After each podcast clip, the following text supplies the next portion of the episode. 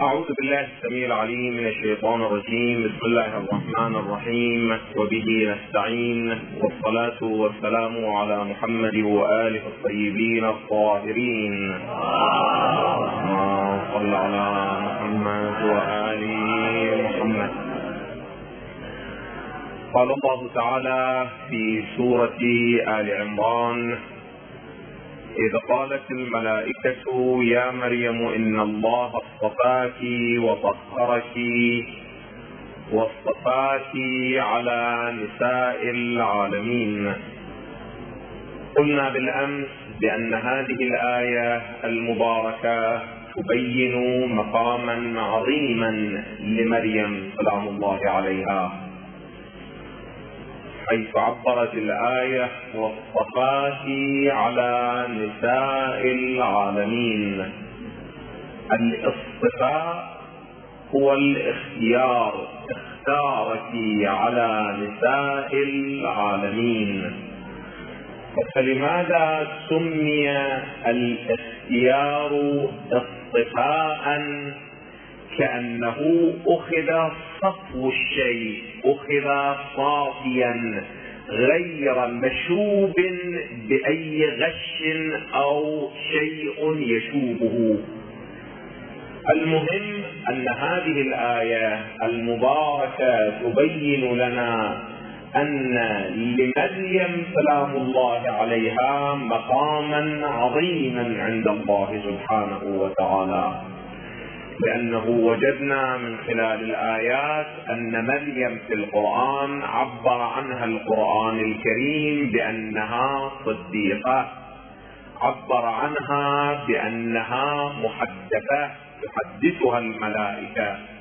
عبر عنها بأنها مطهرة طهرك وعبر عنها بأنها مصطفاة على نساء العالمين. من هنا طرحنا هذا التساؤل بالأمس كيف ينسجم ذلك مع ما نعتقده في الصديقة الكبرى فاطمة الزهراء سلام الله عليها أنها سيدة نساء العالمين. كيف ينسجم ذلك مع أن القرآن يقول أن مريم هي المصطفاه على نساء العالمين؟ هل يوجد انسجام بين الآية وبين هذا الاعتقاد الذي يحمله علماء المسلمين بالنسبة إلى الزهراء البتول أو أن هناك عدم انسجام بين الأمرين؟ في الواقع هذا يقتضينا أن نقف قليلا عند مضمون هذه الآية المباركة من سورة آل عمران.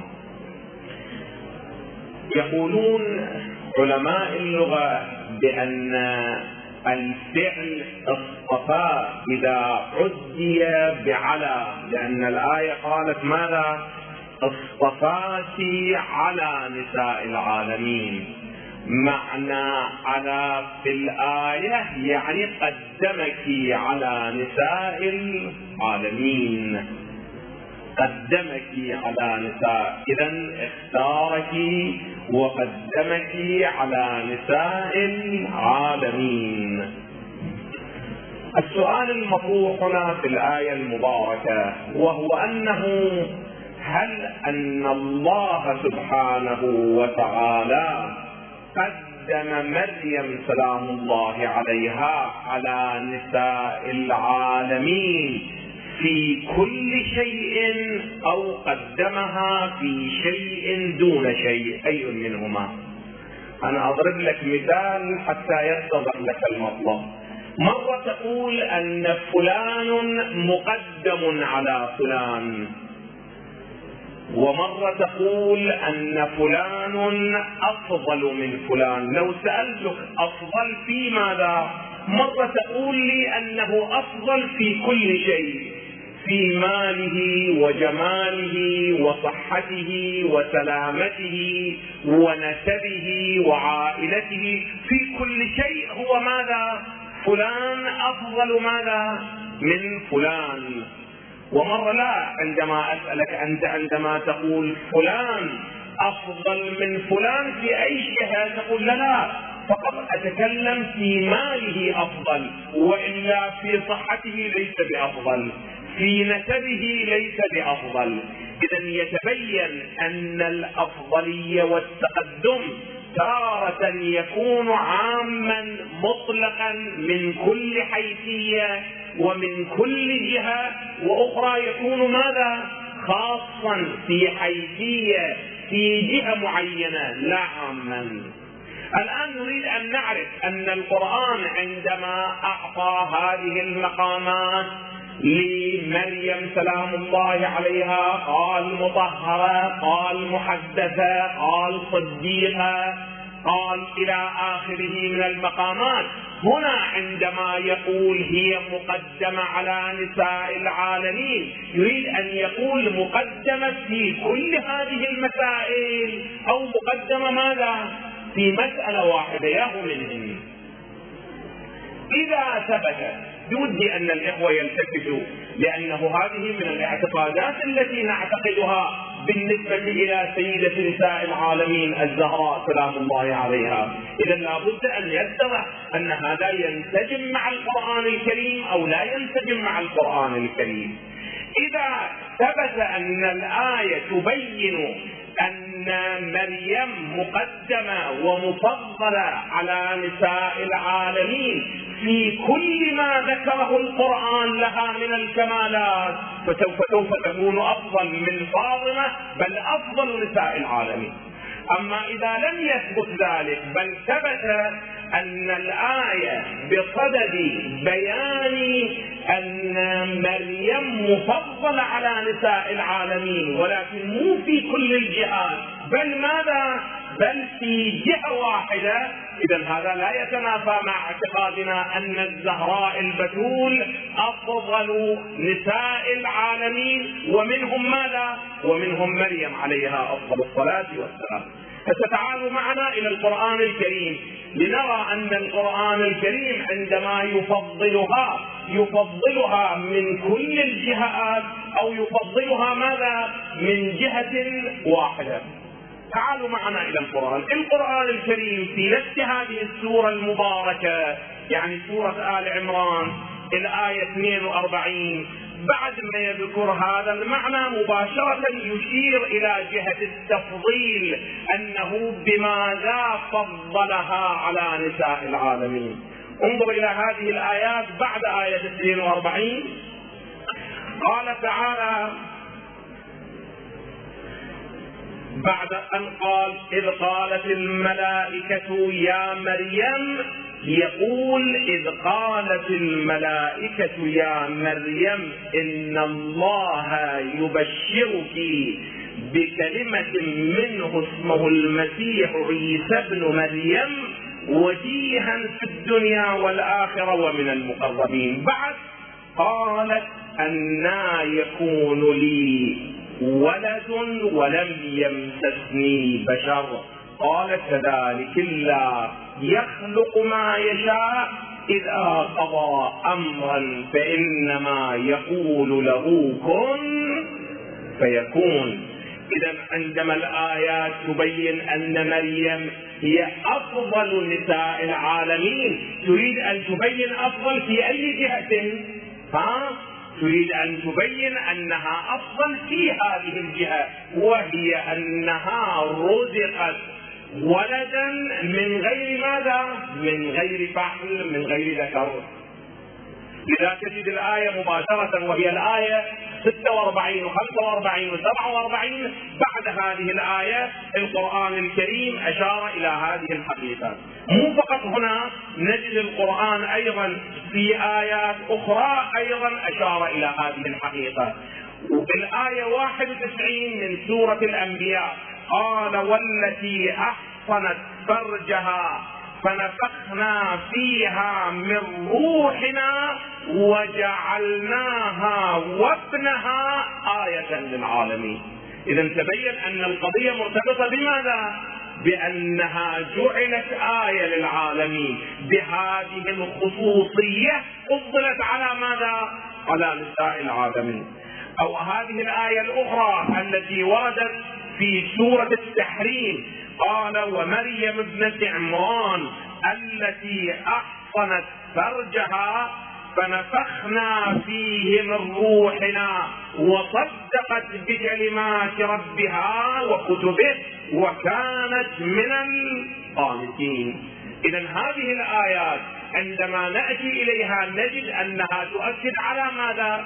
تؤكد على أن مريم مفضلة على نساء العالمين مو في كل ما ذكره القرآن لها وإنما في أي جهة في أن الله سبحانه وتعالى قال لها كن فيكون بالنسبة إلى عيسى سلام الله عليه تعالوا معنا إلى الشواهد القرآنية الأخرى، هذه الشواهد كثيرة في القرآن، أنا أشير إلى بعض هذه الشواهد.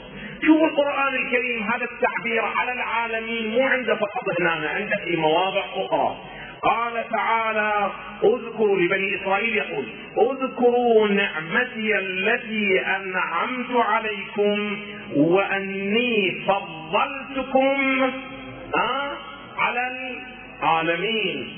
وكذلك قال قال أغير الله أبغيكم إلها وهو فضلكم على العالمين ولقد اخترناهم على علم على العالمين ورزقناهم من الطيبات وفضلناهم على العالمين. سؤال أي أمة أفضل أمة الخاتم أو أمة بني إسرائيل؟ أي منهما أفضل؟ ها؟ صحيح القرآن الكريم يقول كنتم خير أمة أخرجت للناس. إذا مع أنه يقول أن بني إسرائيل فضلوا على العالمين الجواب فضلوا في جهة معينة مو أنهم فضلوا ماذا؟ من كل الجهات. لذا تجد القرآن الكريم يقول كنتم خير أمة أخرجت للناس وكذلك جعلناكم أمة وسطا لتكونوا شهداء على الناس إذا صريح القرآن الكريم يثبت لنا هذه الحقيقة أنه يستعمل على العالمين ولكن لا يريد على العالمين في كل جهة وفي كل حيثية. وإنما يريد ماذا؟ في حيثية في جهة معينة. بعد اشير لك إلى الأدلة على ذلك. جيد. القرآن الكريم عندما بينا هذه الحقيقة نأتي إلى الروايات الواردة. نجد أن الرواية عن الإمام الصادق أيضا تبين لنا هذه الحقيقة. يسأل الإمام الصادق عليه أفضل الصلاة والسلام أنه لماذا أن الله اصطفاها مرتين؟ لأن الآية المباركة ماذا قالت؟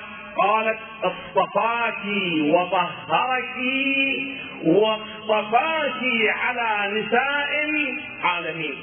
اذا اصطفاها الله ماذا؟ مرتين. يسأل السائل لماذا اصطفاها مرتين؟ قال أما الأولى فقد اصطفاها. الله اختارها. وأما الثانية فإنها حملت من غير فحل فاصطفاها بذلك على نساء العالمين. اذا الاصطفاء الثاني مطلق أو مقيد بعد ها؟ بعد مقيد مرتبط بكل الكمالات التي ذكرت في القرآن أو مرتبطة بكمال معين أها بعد فيما يتعلق بطهارتها فيما يتعلق بكونها صديقة فيما يتعلق بكونها محدثة وغير ذلك من الكمالات. أيضا مقدمة على نساء العالمين أو أن الآية لا تتكلم عن ذلك. الجواب أن الآية لا تتحدث عن تلك القضية وإنما تتحدث ماذا؟ عن خصوص هذه القضية وهي أنها ولدت من غير ماذا؟ من غير رحل مو فقط هذا مدعانا مو فهمنا والرواية عندما نأتي أيضا إلى كلام الآلوسي في ذيل هذه الآية أيضا نجده يثبت لنا هذه الحقيقة بنحو واضح.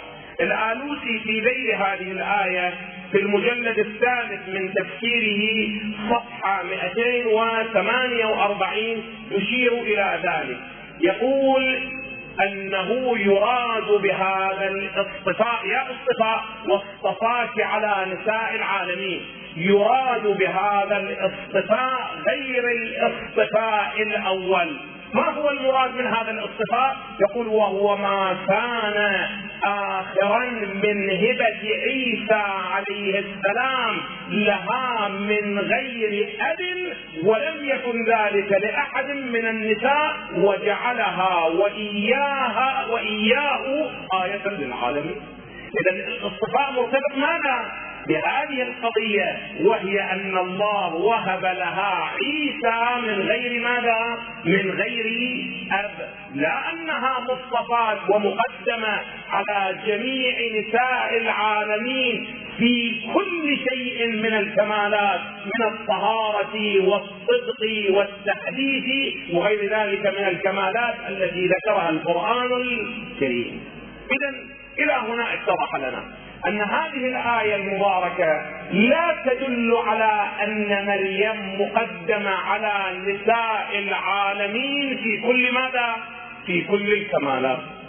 بل فيما يتعلق بالطهارة. طهرت بالأمس ذكرنا أن آية التطهير أقوى أو هذه الآية أقوى.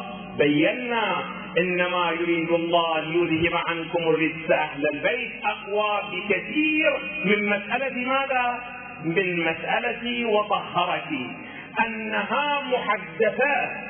أساسا القرآن يقول أن الملائكة كانت تحدث مريم. الزهراء أيضا محدثه ولكن الملائكة كماذا كانت تحدث الزهراء له حديث آخر. أن الزهراء أيضا صديقة شديدة كما ورد عندنا ذلك. ولكن درجة الصدق واحدة أو متعددة هذه أبحاث الآن ما أريد أدخل إليها. إذا الآن تعالوا معنا إلى الروايات الواردة عن طرق الفريقين. وقبل أن أنقل لك الروايات الواردة عن طرق مدرسة أئمة أهل البيت أنقل لك الروايات الواردة عمن؟ عن طرق علماء المسلمين. لأنه هذا مدعانا. بالأمس أنا ذكرت للاخوه قلت عندما أنقل الروايات من علماء المسلمين غير المنتمين لمدرسة أهل البيت أريد أن أبين هذه الحقيقة أن هذا المدعى هذه الدعوة هذا الاعتقاد مو من اختصاصاتنا وإنما موجوده أين؟ موجوده حتى في كلمات علماء المسلمين. مو دعوة مختصة بنا وإنما موجودة في غيرنا أيضا عند غيرنا أيضا. أشير إلى بعض الروايات التي أشارت إلى هذه الحقيقة. روايات كثيرة في هذا الباب أشير إلى بعض هذه الروايات. من هذه الروايات هذه الرواية القيمة. طبعا هذه الروايات مجموعة منها تقول سادة نساء العالم أربعة. وتعرفونها قال حسبك من نساء العالمين مريم ابنة عمران وخديجة بنت خويلد وفاطمة بنت محمد وآسيا امرأة فرعون هذه الروايات باتفاق الفريقين تقول لنا ماذا؟ أن هؤلاء النسوة الأربعة هم سادات نساء العالمين خلي اذكر لك القضية لعله راحت من ذهني كان بودي انقلها بعدين ولكن الآن انقل لك اياها ما معنى أنها سادات نساء العالمين؟ أصلا ما معنى السيادة؟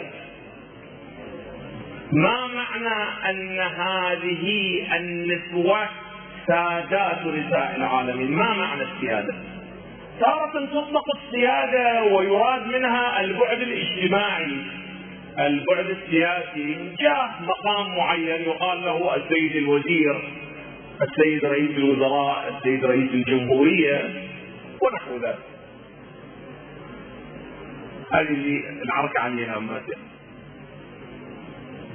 وأخرى تطلق السيادة ويراد منها السيادة في الفقه أن هذا سيد وهذا ماذا؟ غير سيد. هذا تجوز عليه الصدقة وهذا ماذا؟ لا تجوز عليه الصدقة.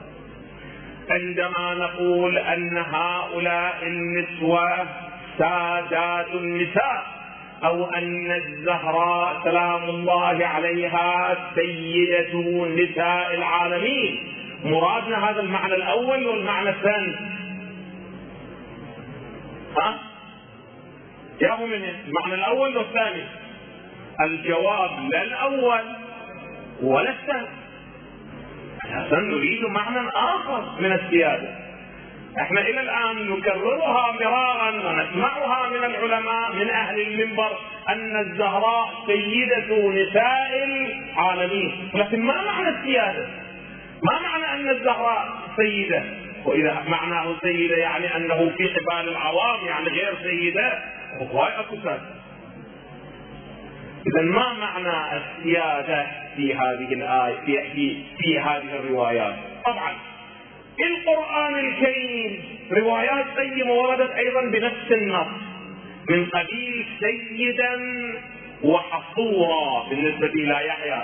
سيدا وحصورا ما معنى سيدا وحصورا سيدا يعني عنده جاه مقام اجتماعي ها؟ يعني عند السيادة في قبال البحث الفقهي الجواب كلا لا, لا هذا ولا ذا. روايات وردت قيمة هذه الروايات. الرواية عن الرسول الأعظم. يقول سيد الكلام القرآن وسيد القرآن سورة البقرة وسيد سورة البقرة آية الكرسي. سيد آية القرآن. ما معنى السيادة ما معنى أن هذه الآية لها السيادة على باقي الآيات من الواضح لا يمكن لأحد أن يقول أن المراد من السياده البعد الاجتماعي البعد ماذا؟ الفقهي. تعال معنا لنفهم معنى السياده في اللغة، ما معنى أن يقال لشخص أنه سيد؟ صاحب الراغب الإصفهاني في المفردات يقول السيد المتولي للسواد أي للجماعة الكثيرة وينسب إلى ذلك فيقال سيد القوم لماذا يسموه هذا اللي يتولى أمر الجماعة يسموه سيد؟ ما هي وجه المناسبة؟ قال ولما كان من شرط المتولي للجماعة هذا اللي يدير أمر الجماعة أن يكون مهذب النفس لابد أن يكون ماذا؟ ها؟ فاضلا. لابد أن يكون مهذبا متخلقا عالما. قيل لكل من كان فاضلا في نفسه. قيل اسمه ماذا؟ سيد. اذا السيادة معناها ماذا؟ أنه مركز ومجمع للفضائل والكمالات. اذا عندما نقول أن الزهراء سيدة نساء العالمين يعني أينما وجدت فضيلة أو كمال فسيادتها لمن؟ ها؟ للزهراء سلام الله عليه ما واضح هذا المعنى؟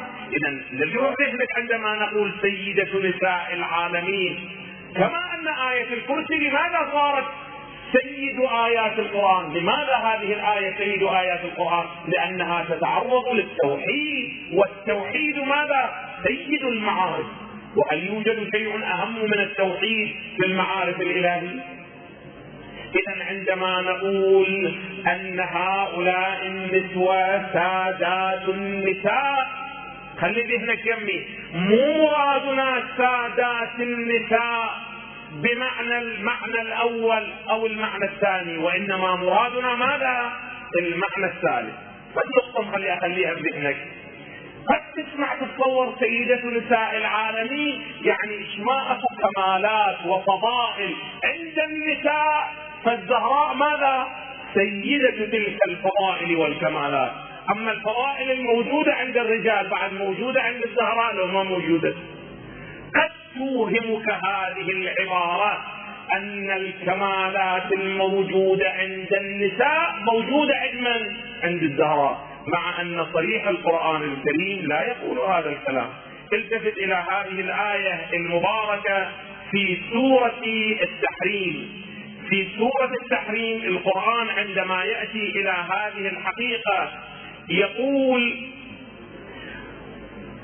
في سورة التحريم قال وضرب الله مثلا. خلي بهنا يمين. وضرب الله مثلا للذين آمنوا. الذين آمنوا النساء والنساء والرجال كلاهما. ها؟ يا أيها الذين آمنوا يشمل فقط النساء أو الرجال والرجال والنساء. التفت جيدا. القرآن يقول وضرب الله مثلا للذين آمنوا امرأة فرعون إذ قالت رب ابن لي عندك بيتا في الجنة. إذا امرأة فرعون أسوة وقدوة للنساء فقط وللنساء والرجال. ها؟ لذا وردت في الرواية عن الحجة سلام الله عليه. التفت عن الحجة الذي يقول الإمام الصادق عليه أفضل الصلاة والسلام عندما ذكر عنده اسم السادس من ولده قال لو عاصرته لخدمته. ها؟ الحجة سلام الله عليه يقول تعلمون من قدوتنا وأسوتنا؟ أمنا الزهراء سلام الله عليه. عجيب أن الحجة يقول نحن نتأسى بمن؟ نتأسى بأمنا الزهراء سلام الله عليها إذا لا يروح إلى ذهنك عندما نقول سيدة نساء العالمين يعني القضية مرتبطة ماذا؟ بالنساء فقط ولا تشمل ماذا؟ ولا تشمل الرجال لا ليس الأمر كذلك إذا اتضح معنى السيادة الروايات الواردة عديدة وكثيرة اطمئنوا روايات تقول أن نساء أفضل النساء ماذا؟ أربع امرأة فرعون زوجة إبراهيم مريم والزهراء سلام الله عليه وهذا متفق. من قبيل إحنا نقول انبياء أولي العزم إيش خمسة. ولكن هذا معناه أن هؤلاء الأنبياء جميعا في درجة واحدة أو يوجد بينهم تفاضل. جيد جدا. النساء أفضل النساء هؤلاء هؤلاء الأربع ولكنه هل يوجد بينهن تفاضل أو لا يوجد؟ أقرأ لك بعض الروايات. طبعا من مو من طرقنا وإنما من طرق علماء المسلمين. الرواية الأولى ما رواه البخاري عن النبي صلى الله عليه وآله أنه قال فاطمة سيدة نساء أهل الجنة. وبطبيعة الحال لماذا صارت سيدة نساء أهل الجنة باعتبار أنها سيدة نساء العالمين في الدنيا من حيث الكمالات والفضائل والدنيا مزرعة الآخرة فالزهراء صارت سيدة ماذا؟ سيدة نساء أهل الجنة. هذه الرواية واردة في الجزء الخامس من البخاري صفحة 25 وكذلك ما رواه الحاكم النيسابوري في مستدرك الصحيحين بإسناده إلى حذيفة أن رسول الله قال نزل من السماء ملك فاستأذن الله أن يسلم عليه لم ينزل قبلها. فبشرني أن فاطمة سيدة نساء أهل الجنة. وكذلك طبعا هذه الرواية منقولة بعشرات المصادر. وكذلك رواية ثالثة ما رواه الحاكم بإسناده إلى عائشة أن النبي قال وهو في مرضه الذي توفي فيه يا فاطمة ألا ترضين أن تكوني سيدة نساء العالمين وسيدة نساء هذه الأمة وسيدة نساء المؤمنين؟ بعد رواية روايات عشرات المصادر التي أشارت إلى هذه الحقيقة. رواية أخرى عن ابن عساكر إلى النبي أنه قال أربع نسوة سيدات سيدات سادات عالمهن. مريم آسيا خديجة فاطمة وأفضلهن عالما فاطمة الزهراء. سلام الله عليها. هذه الرواية أيضا واردة في كنز العمال أو في ذخائر العقبة والدر المنثور وعشرات المصادر التي تكلمت عن أن الزهراء سلام الله عليها هي ماذا؟ هي سيدة نساء العالمين. جيد جدا. هسه قد يقول لي واحد أنه هاي الروايات علماء الآخرين علماء المسلمين يقبلونها أو لا يقبلونها. خلي أنقل لك بعض أسماء علماء المسلمين الذين يقبلون هذه الروايات التي قالت أن الزهراء سيدة نساء العالمين. من الذين قالوا ذلك النبهاني. وكذلك قال التقي السبكي والجلال والسيوطي والزركشي والمقريزي وعشرات علماء المسلمين يقولون أن أفضل النساء هي من؟ ها؟ فاطمة. هسه ولكن أريد أن أقف عبارتين. عبارتين أريد أن أقف عندهما. العبارة الأولى هي لروح المعاني للآلوسي. اريد انكم يمي هذه العبارة شوية طويلة وفيها بحث قيم أيضا. بعد ما ينقل الروايات الواردة تقول بأن النساء المفضلات وسيدة النساء أربع. يقول وقيل المراد نساء عالمها واصطفاك على نساء العالمين.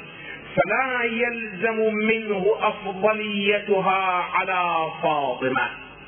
لأنه إذا قيل أن مريم سيدة نساء عالمها فإذا سيدة نساء العالمين من؟ هي الزهراء البتول هسه أنت تقول قيل رأيك شنو أنت؟ بالأمس ذكرنا أن صاحب روح المعاني الآلوسي من كبار علماء المسلمين يقول التفت جيدا يقول والذي أميل إليه ميلي واعتقادي ماذا؟ هذا. ماذا يعتقد؟ التفت جيدا. يقول أن فاطمة البتول أفضل النساء المتقدمات والمتأخرات. مو فقط المتقدمات بل إلى يوم القيامة هي ماذا؟ متأخرات. من حيث أنها بضعة رسول الله. ومن حيثيات أخر أيضا. ولا يعكر على ذلك الأخبار السابقة لجواز أن يراد بها أفضلية غيرها عليها. يقول لا تقول لي بأن الآية القرآنية أو بعض الروايات قالت مريم. أقول لأن مريم مفضلة من حيثية واحدة. أما الزهراء فهي مفضلة ماذا؟ من جميع الحيثيات. بعد شو يقول هسه لك بودي تلتفت جيدا يا أخي. يتهمون يقولون بأنه بعض علماء الاماميه يغالون في أئمتهم ويقولون في حقهم ما لم يقله القرآن. انت بتشي يقول هذا الإنسان هذا العالم ماذا يقول؟ يقول وهذا سائغ يعني أن الزهراء مفضلة على كل المتقدمات والمتأخرات وهذا سابق حتى على القول بنبوة مريم أيضا. لو فرضنا أن مريم أيضا ماذا؟ ها؟ نبي من الأنبياء أيضا فاطمة ماذا؟ مفضلة عليها. وإحنا بنقول أنه أئمتنا عليهم أفضل الصلاة والسلام وبالخصوص إمام الأئمة الإمام أمير المؤمنين عليه أفضل الصلاة والسلام أفضل من الأنبياء السابقين. البعض قد يقول ماذا؟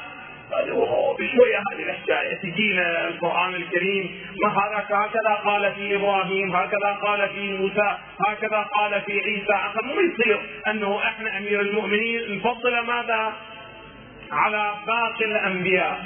هذا تصريح من عالم من العلماء الذي لا ينتمي إلى مدرسة أهل البيت. يقول حتى لو ثبت أن مريم نبي من الأنبياء ففاطمه ماذا؟ مفضلة عليها. شنو دليلك يا أخي الدليل دليل علمي قوي الدليل عالم.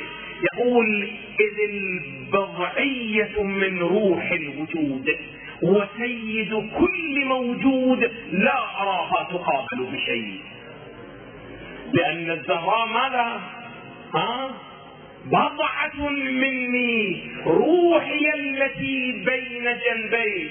وهذا الحديث ما أقدر أقف عنده هواية الآن. هوايه لأن الوقت ما يسعني.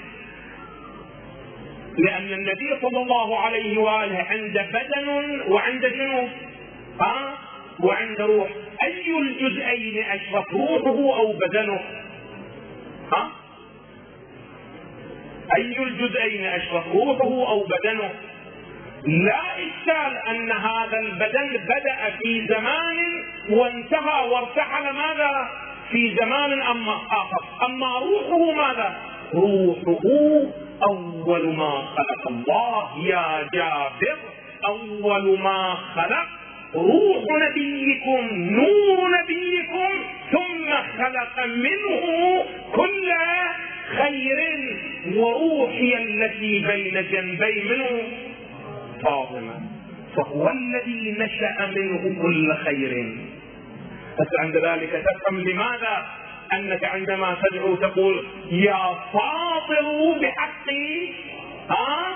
فاطمة. فاطر يعني ماذا؟ يعني أوجد الأشياء من العدم لأنها روح النبي الأكرم صلى الله عليه وآله. مو بدنه مو جزء من بدنه بل هي ماذا؟ بل هي روحه التي بين جنبيه فهذين الجنبين من اليمين واليسار يا يمين ويسار الآن ما أريد أن أقف عنده له حديث آخر. اذا قال وهذا سائغ على القول بنبوة مريم أيضا إذ البضعية فاطمة بضعة مني من روح الوجود وسيد كل موجود لا أراها. تقابل ماذا؟ بشيء. ثم التفت الجملة الأخيرة مالته يقول وأين الثريا من يد المتناول؟ شنو يمكن لأحد أن يصل إلى هذا المقام؟ هذه التي عبرت عنها الروايات أيضا باتفاق الفريقين أنه لو لم يكن علي لما كان لها خوف. عبارة أخرى أنقلها لكم عن ابن أبي الحديد المعتزلي. ابن أبي الحديد المعتزلي تعلمون شارح نهج البلاغة في عشرين مجلد وهو من كبار علماء المسلمين. انظر ماذا يقول هذا الرجل بالنسبة إلى الزهراء البتول. يقول وأكرم رسول الله فاطمة إكراما عظيما أكثر مما كان الناس يظنونه. صحيح بنت رسول الله ولها مثل هذه المقامات ولكن هذا الإكرام فوق الحدود المتعارفة. وأكثر من إكرام الرجال لبناتهم حتى خرج بها عن حد حب الآباء للأولاد. أساسا بعد مو قضية أنه أب ويحب ماذا؟ ويحب بنته. فقال لمحضر فقال لمحضر الخاص والعام مرارا. مو مرة ومرتين. فقال لمحضر الخاص والعام مرارا لا مرة واحدة. وفي مقامات مختلفة لا في مقام واحد. قال إنها سيدة نساء العالمين. وإنها عديلة مريم بنت عمران. وإنها التفت جيدا إلى هذه المقامات اللي إذا ذكرها بعضنا قد يتهم بأنه ماذا؟ فيها غلو قال وإنها إذا مرت في الموقف نادى مناد من جهة العرش. يا أهل الموقف غضوا أبصاركم لتعبر فاطمة بنت محمد. اللهم صل على محمد وآله. إذا هذه فاطمة غضوا أبصاركم لتعبر الزهراء وهذا من الأحاديث الصحيحة وليس من الأخبار المستضعفة. لا تتصور أن هذا الخبر خبر ماذا ضعيف. لا لا بعد انتبه جيدا. قال وإن إنكاحه عليا إياها. النكاح الذي وقع بين علي وفاطمة ما كان إلا بعد أن أنكحه الله تعالى. إياها في السماء بشهادة الملائكة. عجيب ما أريد أخرج من البحث لأنه عندي نقطتين ثلاثة باقيات. الوقت بده يتداركني. يعني ولي أمر الزهراء سلام الله عليها. ولي امرها رسول الله. لو الله. فهي بريء ما يقدر هو يتولى أمره. لابد الله يأذن حتى يتصرف رسول الله. شنو أصل ماذا يوجد من سر في هذا الموجود؟ الله سبحانه وتعالى اولا يعقد عليها في السماء ويشهد الملائكة. عند ذلك يأذن ماذا؟ يأذن لرسول الله صلى الله عليه وآله أن يعقدها لعلي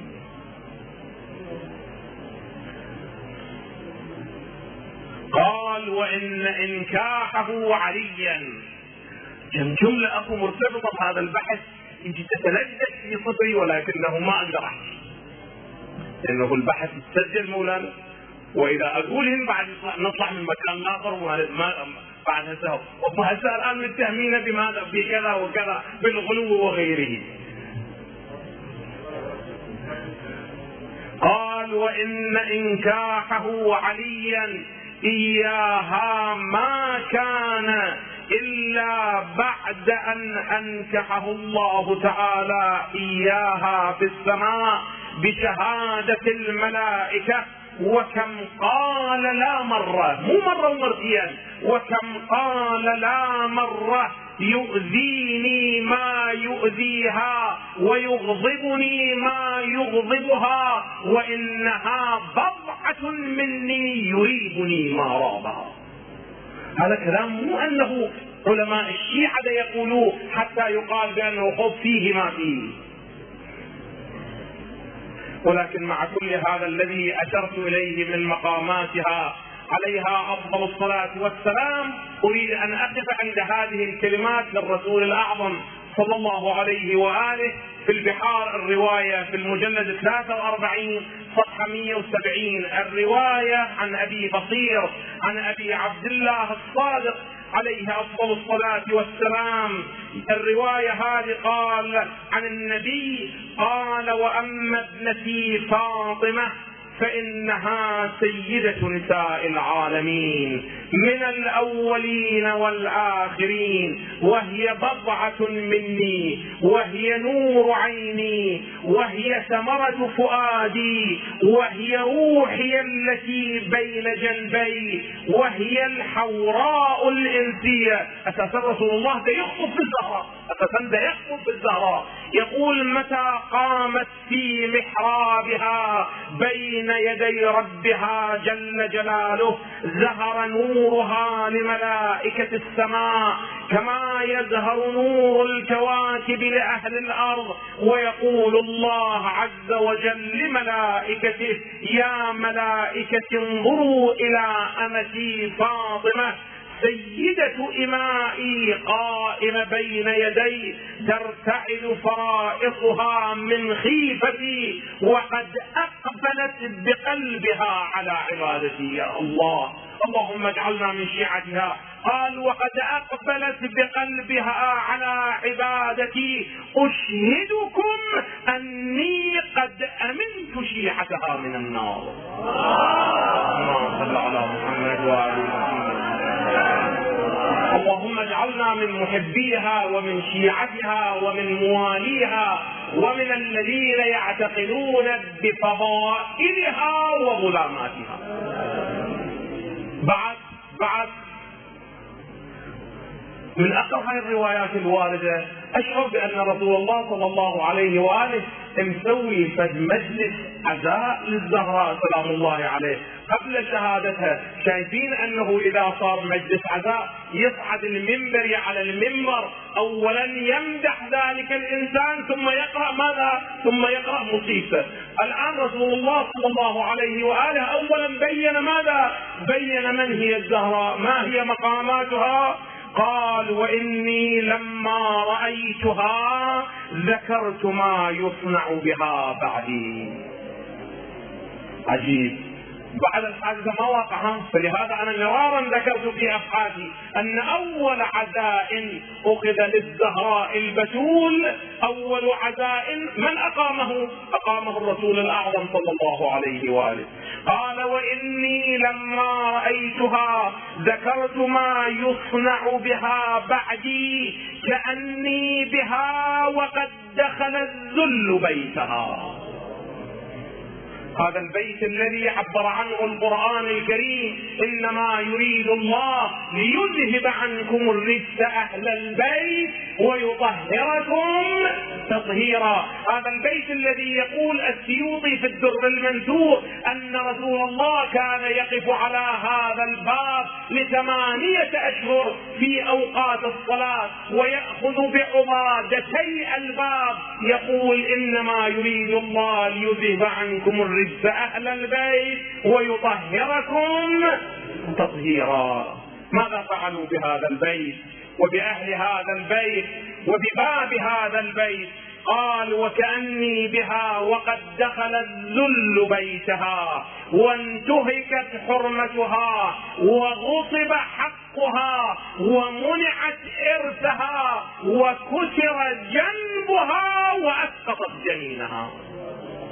وهي تنادي يا محمدا فلا تجاب وتستغيث فلا تغاث فلا تزال وعدي محزونة مكروبة باكية تتذكر انقطاع الوحي عن بيتها مرة وتتذكر فراقي أخرى فعند ذلك يؤنسها الله تعالى ذكره بالملائكة بما فنادتها بما نادت به مريم فتقول يا فاطمة إن الله اصطفاك وطهرك واصطفاك على نساء العالمين. بعد ثم يبتدئ بها الوجع فتمرض فيبعث الله عز وجل إليها مريم ابنة عمران تمرضها وتؤنسها فتقول عند ذلك يا ربي إني قد سئمت الحياة هسه ماذا يحدث ببنت في الثامنة عشر من عمرها وأولادها أمام الحسن والحسين وزينب وزوجها على رأسها أمير المؤمنين سلام الله عليه والمرأة تقول ماذا؟ ها؟ سئمت الحياة ما هي تلك المصائب التي صبت عليها؟ صبت علي مصائب لو أنها صبت على الأيام. على أي الأحوال؟ الزهراء سلام الله عليها تتبرم من الدنيا. إني قد سئمت الحياة وتبر وتبرمت بأهل الدنيا. فألحقني بأبي فيلحقها الله عز وجل بي فتكون أول من يلحقني من أهل بيتي فتقدم علي محزونة مكروبة مغموبة مغصوبة مقبولة. فأقول عند ذلك اللهم لعن من ظلمها. وعاقب من غصبها وذلل من أذلها وخلد في نارك من ضرب جنبها حتى ألقت ولدها فتقول الملائكة عند ذلك آمين. اللهم عجل في فرج وليك الحج عليه أفضل الصلاة والسلام ليأخذ بحق أهل البيت عليهم أفضل الصلاة والسلام. اللهم لا تفرق بيننا وبين أهل البيت بيننا وبين القرآن في الدنيا والآخرة. والسلام عليكم ورحمة الله وبركاته.